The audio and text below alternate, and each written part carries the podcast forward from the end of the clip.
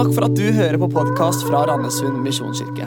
Denne talen er spilt inn på en av våre gudstjenester, og vår visjon er å hjelpe mennesker til tro på Jesus og et liv med Han. Gå inn på mkirken.no eller Randesund misjonskirke på Facebook for mer info.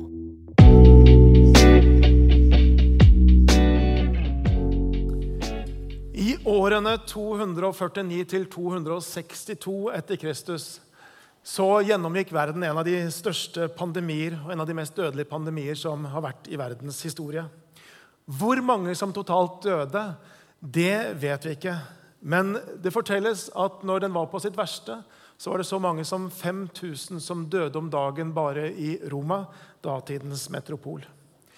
Et samtidig øyenvitne i Alexandria forteller om hvordan hvis noen i en familie ble smitta, så skjøv rett og slett familien den smitta ut på gaten for å dø og håpa at de selv ikke da skulle bli smitta. Men den samtidige biskopen Dionasius han skriver følgende.: De fleste av våre kristne brødre viser uselvisk kjærlighet og lojalitet. De sparer ikke seg selv, men tenker først på de andre. Til tross for risikoen de løper, pleier de de syke, forsøker å hjelpe dem i de behov de har, og tjenestegjøre for dem i Kristus.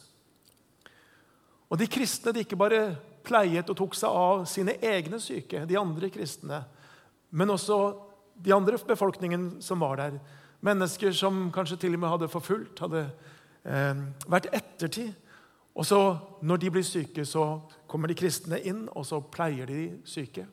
Og så blir, gjør det sånn dypt inntrykk på befolkningen i antikken. og Rodney Stark, en religionshistoriker, han sier at noe av forklaringen på kirkens store vekst på denne tiden var nettopp dette at de så hvordan de kristne tok seg av alle mennesker. Vi håper noen hundre år fram. I 1873 grunnlegger den katolsk-belgiske pateren Damien en klinikk for spedalske på øya Molokai på Hawaii. Der var de spedalske forvist. Uten egentlig tilsyn, uten stell, uten noen ting. De var egentlig forvist der for å dø. Pater Damian han flytter dit. Han etablerer hus, han gir dem mat, han steller deres sår. Til han sjøl blir smitta og dør av spedalskhet etter 10-12 år. I 2005 så ble Damian kåret til tidenes største belgiske mann. Og Så sier han følgende.: Jeg gjør meg til en spedalsk for å føre de spedalske til Jesus Kristus. Noen hundre år seinere, i 2004, så var barnevernstjenesten i Colorado i USA i et krise. Antall fosterhjem hadde gått nedover år for år over lang tid. Samtidig som antall barn som trengte et hjem å komme til, de hadde økt. Det sto nesten 1000 barn i kø på dette tidspunktet. Barn som ikke hadde noe sted å være. De bodde sammen, enten på gata, noen av de, noen bodde sammen med foreldre som ikke kunne ta vare på dem, i biler på parkeringsplasser osv. Og, og så er det en pastor, Robert Gelinas i Colorado Community Church. Og Han forteller at han kunne bare ikke sitte og se på dette. At 1000 barn ikke har et hjem i den staten, samtidig som det er 3000 kirker i den staten. Og så sier han her må Kirken kunne gjøre noe. Og Sammen med noen andre pastorer, sammen med andre kirker, så gjør det en stor innsats. Og I løpet av årene som har gått siden, så har tusenvis av barn fått et nytt fosterhjem. Og Hans mål er dette, at det aldri skal være en kø. Det skal aldri være et barn som venter på et fosterhjem. Men det må være motsatt, at det stadig er hjem som er klare til å ta imot barn. Bevegelsen har spredt seg også til andre stater.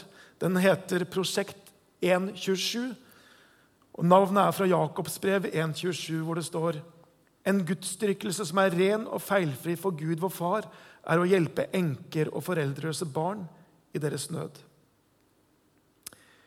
28.8.2005 treffer orkanen Katrina Lucianas kyst og New Orleans med en voldsom kraft som gjør at 80% av byen er oversvømt av vann noen steder mange meter under vann.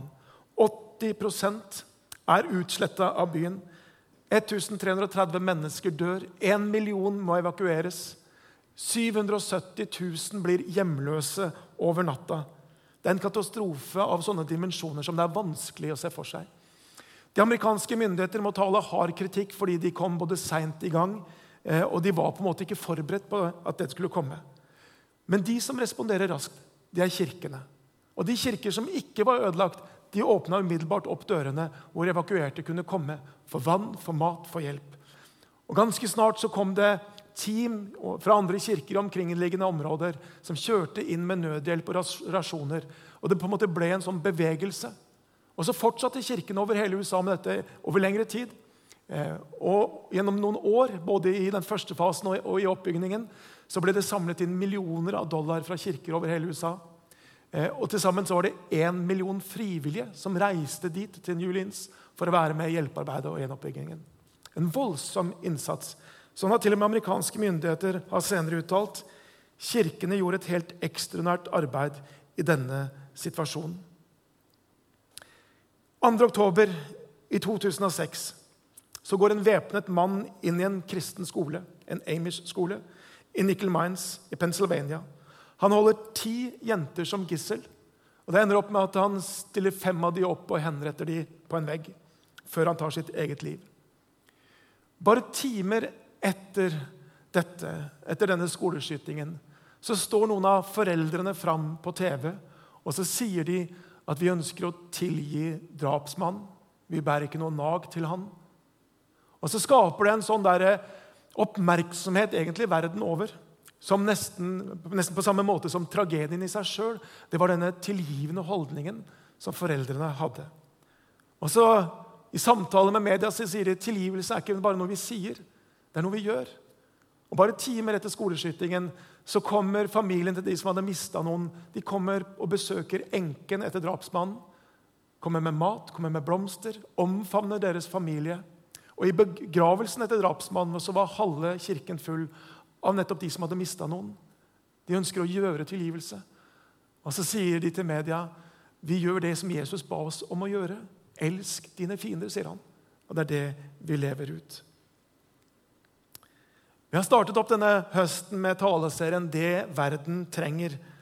Og Temaet for denne talen det er kjærlighet. At verden trenger kjærlighet, det er ikke bare noe som er noen strofer i mange av popsangene, men det er sånn. Det er både erfaringen som vi har, som er på en måte verdens, eh, felles i hele verden, det er jo dette at det er ingenting som forandrer mennesker mer enn å møte kjærlighet. Det er ingenting som endrer en vanskelig situasjon mer enn å møte kjærlighet. Så kjærlighet, ja, det er det verden trenger.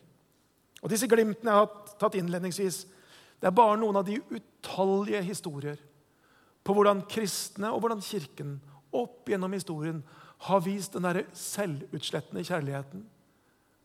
Tjenersinn over alle grenser. Tilgivelse som er ufattelig. Og så er det mange, mange slike historier. Og Når jeg sier det, så betyr ikke det at det i Kirkens historie ikke er et annet bilde også, med maktovergrep og maktmisbruk. For det har det vært. Og ikke bare i middelalderen, men også i våre dager. Jeg vet ikke om noen av dere har sett dokumentaren på NRK fra Knutby. Ja, så er det en skremmende påminnelse om nettopp hvordan det kan være. Og På mange måter så blir jeg så overraska når jeg ser maktmisbruk og maktovergrep i Kirkens historie og i Kirkens navn. Eller ser kristne ledere som faller moralsk. Og Samtidig så blir jeg jo det ikke. For det er jo på en måte noe av det som bor i dypet av vårt indre hvis ikke Gud får lov til å gjøre noe. Bibelen kaller det synd. Og hvis synd får lov til å herje, ja, så er det det som er noe av konsekvensene. Det er det som er noe av resultatet. Og Når vi som kristne ledere ikke lever våre liv i lyset, når vi ikke lar Gud få lov til å slippe til med, med det mørket som finnes i enhver kristen, ja, så blir det å ha makt, og stå i maktposisjon, en livsfarlig miks. Og så ser vi noen av resultatene. Men i dag så har jeg lyst til altså å se på dette andre bildet, disse andre glimtene. Og det er dette at overalt hvor Kirken har vært til stede, til alle tider gjennom hele historien, så ser vi også disse bildene av kjærlighet, av tjenersinn, av tilgivelse. Og Vi kunne hatt mange mange eksempler på det. Og I møte med det så melder spørsmålet seg hvorfor? Ja, hvorfor er det sånn? Hva er det som får de første kristne som levde i datidens verste pester, til å pleie de syke helt til de selv ble smitta og døde? Hva er det som får foreldre som har mistet sin datter i skoleskyting, til å tilgi drapsmannen?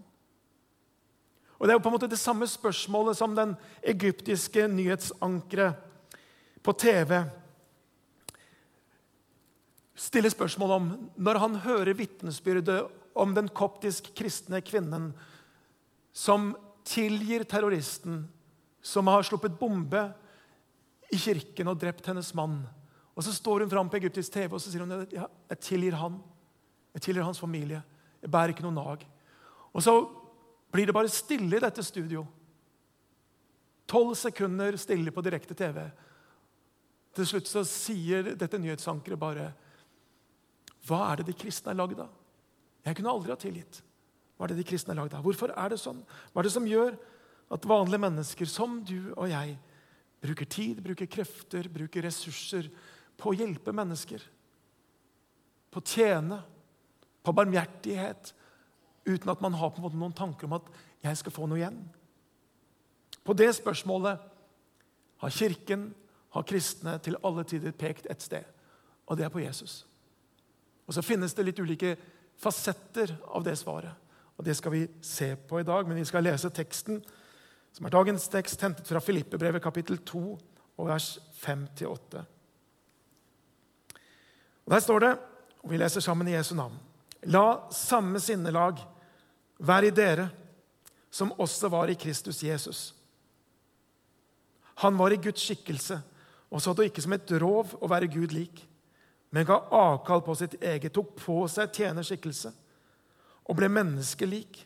Da han sto fram som menneske, fornedret han seg selv og ble lydig til døden, ja, døden på korset. Vi skal be. Kjære himmelske Far. Jeg takker deg for at vi kan få lov til å ta til oss av ditt ord. Takk for den kraften som finnes i dette ordet. Og så ber jeg at du ved Din Hellige Ånd må tale inn i våre liv denne formiddag. Og si noe om hva, hva betyr dette i våre liv, i mitt liv, i vår menighet, Herre. Vi ber om det. Amen.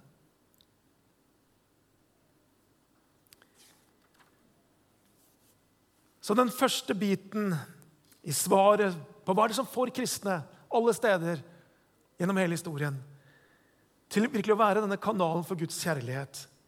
Det tror jeg vi finner i de første tre versene vi leste her.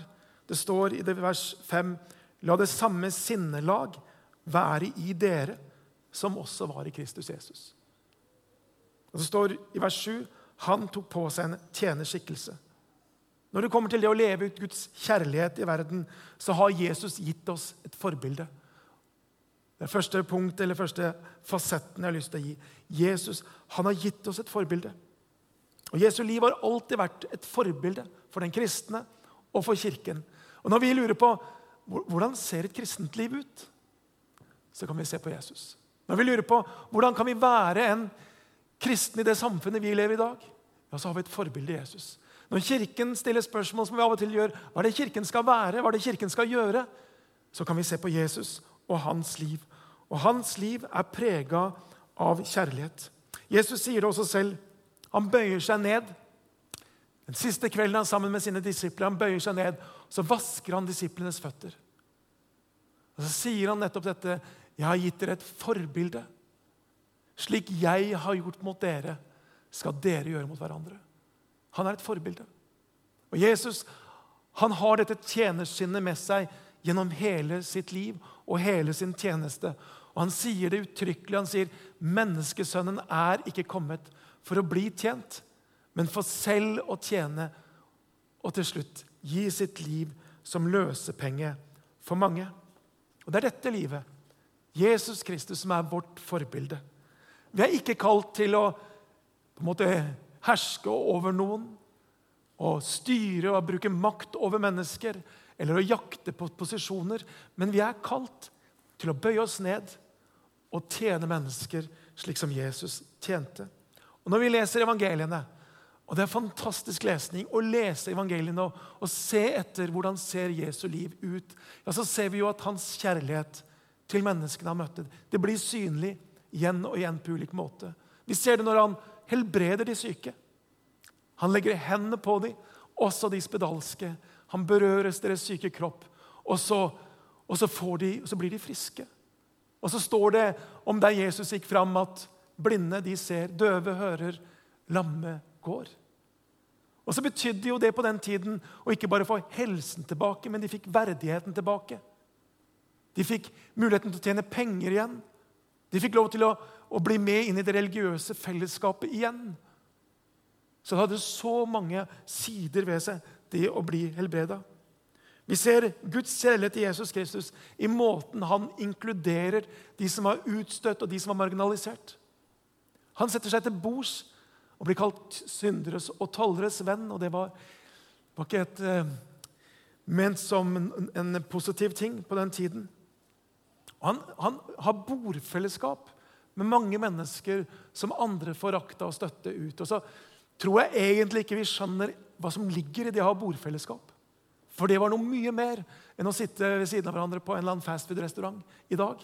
Det betydde dypt, intimt fellesskap Teologen Joakim Jeremias han forteller om det slik. Han sier i Midtøsten, selv i dag, er det å bli invitert til et måltid en ære. Det er et tilbud om fred, tillit, broderskap og tilgivelse. Oppsummert er det å dele et måltid sammen det samme som å dele liv.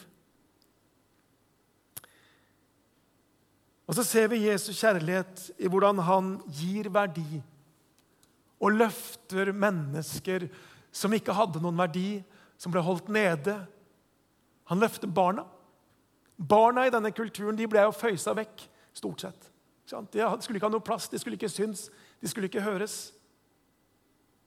Så når barna strømmer til Jesus, så er det jo helt selvsagt og naturlig at disiplene vil holde dem på avstand og føyse dem vekk. Men Jesus sier, 'La de små barna komme til meg.' Og Så tar han dem inntil seg og så setter han dem på fanget. Den jødiske lederen i synagogen han kunne nok velsigne et barn, men han ville aldri ta på det. Det var på avstand. Jesus tar barna inntil seg, og han løfter deres verdi opp, og så velsigner han dem. Kvinner på samme måte. I denne kulturen så ble kvinner ikke regna som noen. De kunne ikke eie noe. De kunne ikke vitne i en rettssak. De var ikke regna med. Men det Jesus gjør, er at han inkluderer kvinner i sin utvida disippelflokk. Det står om kvinnene som fulgte Jesus. Han lar kvinner være de første vitnene om hans oppstandelse. Det er de han møter der ved graven. Kirkens, eller Den første kirkes positive syn på kvinner gjorde at mange kvinner slutta seg til. Og det ble på en måte latterliggjort i verden for øvrig, måten som kirken var positiv til kvinner. For kvinner ble stort sett sett som en eiendom, enten av far eller av ektemannen. Jesus behandler kvinner med respekt, med varme, som personer, som individer. Jesus gir verdi til de som ikke har verdi. Han, han løfter de utstøtte, de marginaliserte. Han helbreder de syke og viser sin kjærlighetsånd. Mange kristne som på en måte lever ut Jesu kjærlighet i den verden man er satt i, de vil si Jesus er et forbilde for meg. Den andre biten av svar på hvorfor vi finner disse historiene om tjenerskinn og selvoppofrende kjærlighet og barmhjertighet gjennom hele kirkens historie, det er jo dette at Jesus helt eksplisitt, utvetydig, nettopp ba oss om å gjøre det. Elsk de neste som deg selv, sier Jesus. Som er den andre delen av det dobbelte kjærlighetsbud. Jesus har vært så tydelig. Vi skal vise kjærlighet til omkring seg. Og når Jesus skal fortelle hva betyr det å elske sin neste, ja, så bruker han lignelsen om den barmhjertige samaritan om hvordan han tar seg av og pleier den skadde. Hvordan han stanser opp ved han som alle de andre går forbi. Hvordan han forbinder sår, leger, pleier og sørger for at han både får husrom og hvile. Og så er det et eksempel på den tiden, men også i dag. Å hjelpe de nødlidende, hjelpe de utslåtte, hjelpe de nedslåtte. Jesus han ikke bare har sagt han ikke bare har vist oss et forbilde, men han har også formant oss om å leve ut kjærligheten. Jesus forkynner et radikalt kjærlighetsbudskap. jeg mener det, det mest radikale kjærlighetsbudskapet som, som, finnes. For Jesus sier i bergprekenen ikke bare at vi skal elske vår neste, men han sier jo faktisk at vi skal elske deres fiender. Velsigne dem som forbanner dere. Gjør godt mot dem som hater dere, og be for den som mishandler dere og forfølger dere. Biskop Festo Kingere måtte flykte fra skrekkregimet til Idi Amin på 70-tallet. Noen av oss husker det. Han flykter for sitt liv fordi Idi Amin han var etter de kristne, og han drepte under sin tid 300 000 kristne. På flukt så skriver biskop Festo boken 'I Love Idi Amin'. Og så er det ingenting ironisk ved den artikkelen, eller den tittelen.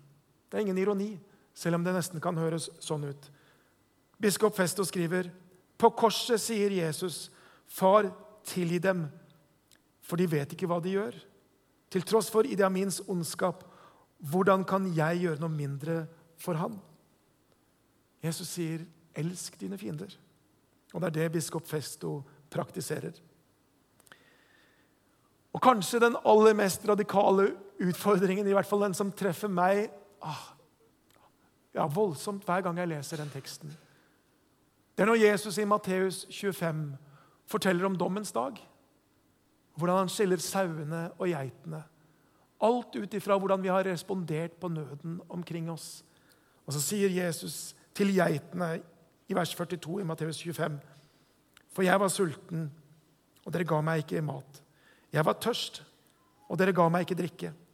Jeg var fremmed, og dere tok ikke imot meg. Jeg var naken, og dere kledde meg ikke. Jeg var syk og i fengsel, og dere så meg ikke. Da skal de svare, Herre, når så vi deg sulten eller tørst eller fremmed eller naken eller syk eller i fengsel uten å komme deg til hjelp? Da skal han svare, sannelig, jeg sier dere, det dere ikke har gjort mot en av disse mine minste, har dere heller ikke gjort mot meg. Det dere ikke har gjort mot en av disse mine minste, har dere heller ikke gjort mot meg. Moder Teresa fikk fredsprisen i 1979 for arbeid blant de aller fattigste i Calcuttas slum. Og hennes kall til det der selvoppofrende livet som, som hun levde ut gjennom hele sitt liv. Det fikk hun i Jesu ord på korset. Når Jesus rett fra han dør sier, 'Jeg tørster'. Jeg tørster. Og så skriver hun et sted, 'Hjertet og senteret i min tjeneste er kun dette.' Jesu hjerte som tørster gjennom den fattige. I hvert eneste syk som hun pleide, i hver eneste fattig som hun ga drikke og mat til, i hver eneste hjemløs som hun skaffa husrom til, så så hun Jesus. Det du har gjort mot en av disse mine minste, sier Jesus, det har du gjort mot meg. Kjærlighet kan ha ulikt uttrykk. I flere av Paulus sine brev så skriver han mot avslutningen følgende setning, og du har kanskje lest den og lagt merke til det står 'Hils hverandre med hellig kyss'. Har du lagt merke til det? Som barn syns jeg det var veldig rart. Jeg syns det egentlig litt fortsatt, tror jeg. Hva betyr det? Hvordan ser det? Hva er det for noe? Hvordan ser det ut? Vi pleier vanligvis ikke å praktisere hellig kyss i denne kirken, men jeg tenkte at uh, i dag er det nok ikke tiden for det. Med alle smitteverntiltakene. Men hvordan, hvordan ser det ut? Kanskje kan kirurg og forfatter Richard Seltzer sette oss litt på sporet. Han skriver en interessant anekdote som er publisert i Academic Medicine i desember 2006. Følgende, eller Han forteller der følgende om hvordan han står ved en seng. og Oppi denne sengen så ligger det en kvinne som han har operert. Han har fjernet en stor svulst i, i kinnet hennes. Og så ligger hun der, og så var hun en utrolig vakker kvinne. Men når hun ligger der, så ser han at ansiktet det er helt annerledes. Det ser unormalt ut. Det er forvridd. Munn som var så formfullendt og vakker, den er, den er, vridd og unaturlig. Han sier at det ser nesten ut som en sånn, eh, grima, sånn klovneaktig grimase. På den andre siden av sengen så står en ung ektemann og ser på henne. Og Så merker hun at de to de har noe helt spesielt. Og Mens denne kvinnen ligger der, så ser hun opp på kirurgen og så spør hun, kommer ansiktet mitt alltid til å bli sånn. Og Så sier kirurgen ja, dessverre. Vi måtte kutte en nerve for å komme til svulsten, så det er uhelbredelig. Du kommer til å bli sånn. Å ja. Og så blir hun stille. Og Så sier denne unge mannen Han smiler opp og så sier han, vet du hva? Jeg syns det var fint, jeg. Jeg syns du ser ordentlig søt ut nå. Og Så forteller kirurgen hvordan på en måte, det er nesten som en sånn guddommelig kjærlighet han erfarer i det rommet der. Og Så bøyer denne unge mannen seg ned mot hennes lepper, og så, stå, så sier han at, at, jeg kunne se hvordan han på en måte vrir sine lepper sånn at det skulle passe hennes forvridde munn. For liksom å vise at vi fortsatt kan kysse. Kysset, det virker fortsatt. Kanskje det er et hellig kyss. For var det ikke det Jesus gjorde når han steg ned og tok på seg en svak, forvridd, menneskelig skikkelse, sånn at han kunne møte oss, du og meg, i vår svakhet, i vår forvriddhet? At hun kunne vise oss at vi er fortsatt elska. Vi er fortsatt dyrebare for han. Han ser det vakre i oss. Og Da er vi også framme ved det som er det tredje punktet, den tredje fasetten.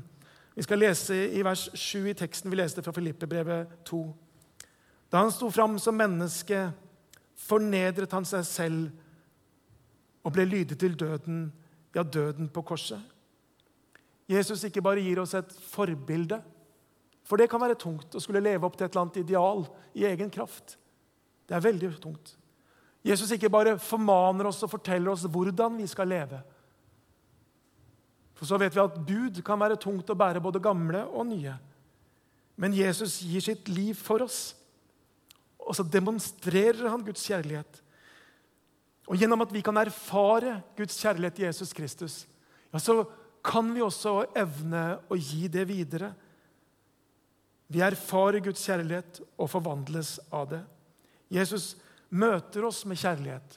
Han møter oss med nåde, han møter oss med tilgivelse.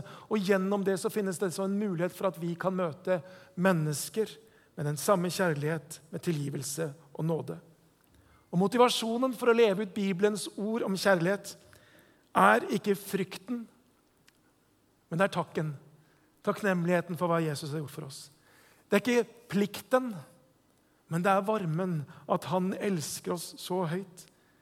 Det er ikke lovens krav, men det er ånden i oss som gjør at vi kan gjøre det.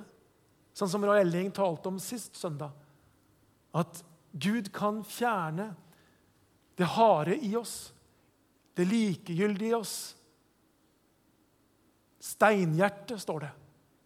Det kan han fjerne, og så kan han gi oss et kjøtthjerte isteden. Som banker, som vibrerer, og som kan leve ut Guds kjærlighet. Da jeg giftet meg Det er snart 30 år siden, så det er lenge. Men når jeg giftet meg, så husker jeg at det gjorde noe med meg. Og jeg husker følelsen liksom jeg fikk når vi var gift. Det var en sånn følelse av å komme hjem. Ha. Jeg liksom kunne senke skuldrene, jeg kunne være meg sjøl. Og i møte med forpliktende eh, og ubetinga kjærlighet som jeg møtte, ja, så det, gjorde det noe med meg. Med min kapasitet til å elske med den mann jeg var. Det gjorde noe med meg. Og På samme måte var det faktisk da jeg ble pappa for første gang. Når jeg sto der og holdt det lille nøstet i, i hendene mine, ja, så kjente jeg at det, det, skjedde noe her i mitt hjerte. Det var noe som på en måte ble annerledes. Denne lille bylten som, som på en måte var så avhengig av meg, det gjorde noe med meg. Og det å på en måte litt senere få noen sånne harde armer rundt halsen, både av hengivenhet og av avhengighet, ja, så gjør det noe med meg. Og sånn er det også, har det vært, når jeg har fått lov til å erfare hva Jesus har gjort for meg. Nå har jeg fått lov til å erfare det. Ikke bare at det er en sånn kunnskap her, men jeg kjenner det i kroppen. Han har elsket meg så høyt at han ga sitt liv på korset. Det forandrer meg. Og det gjør noe med både min motivasjon og med min evne til å vise Guds kjærlighet videre. Frans av Assisis. Vi skal ta med et bibelvers først. Johannes, disippelen, apostelen, han skriver i sitt første brev ja, dette er kjærligheten. Ikke at vi har elsket Gud, men at Han har elsket oss og sendt sin sønn til soning for våre synder. Kjærlighet starter aldri med oss, men det starter med Han. Han har elsket oss. Og ikke noe sted blir det så synlig og så tydelig som på korset. Aller sterkest taler det der. Og så sier den samme Johannes i verset rett etterpå, mine kjære, har Gud elsket oss slik? Og det har han jo. Da skylder også vi å elske hverandre. Vi er kalt til å elske hverandre. Men det er ikke der det starter. Det starter med at han har elsket oss. Frans av Assistis er kjent som rikmannssønnen som forlot all sin rikdom, som ga den dyre klesdrakten tilbake til far og alle pengene, sa fra seg sin arv, og som dedikerer livet sitt til å stelle med spedalske og tjene de fattige. Han, han gjorde seg fattig for å kunne tjene de fattige. Og hans kall og vendepunktet i hans liv det kom da han besøkte kapellet i San Damnio, hvor han kneler ned foran et bilde av Jesus på korset. Og i dette Jesus på korset, når han ser det, ja, så kjenner han også at han får sitt livskall til å tjene. Pave Frans, som har vært pave siden 2013, han sier da tilbake eh, når han ble pave i 2013, i en tale noe som jeg har lyst til å sitere. Han sier følgende.: Korset taler ikke til oss om nederlag og fall. Det taler til oss om død som er liv, en død som gir liv. Det taler til oss om kjærlighet, Guds kjærlighet inkarnert. En kjærlighet som ikke dør, men som triumferer over ondskap og død. Når vi lar den korsfestede Jesus blikk møte våre øyne, blir vi skapt på ny. Vi blir den nye skapelsen. Alt starter her. Erfaringen av forvandlende nåde.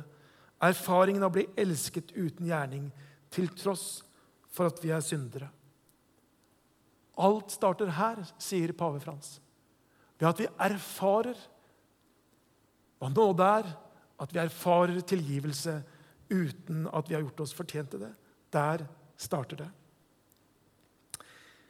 Hva tenker du at Randesund misjonskirke skal være kjent for? Hva skal være ryktet som går om oss rundt omkring? Jeg vet ikke hva du tenker, men jeg skulle ønske, og min håp det var at det ryktet som går om vår menighet, er det samme ryktet som det gikk om de kristne i antikken på torvene, hvor folk utenfra sa 'Se hvordan de elsker hverandre'.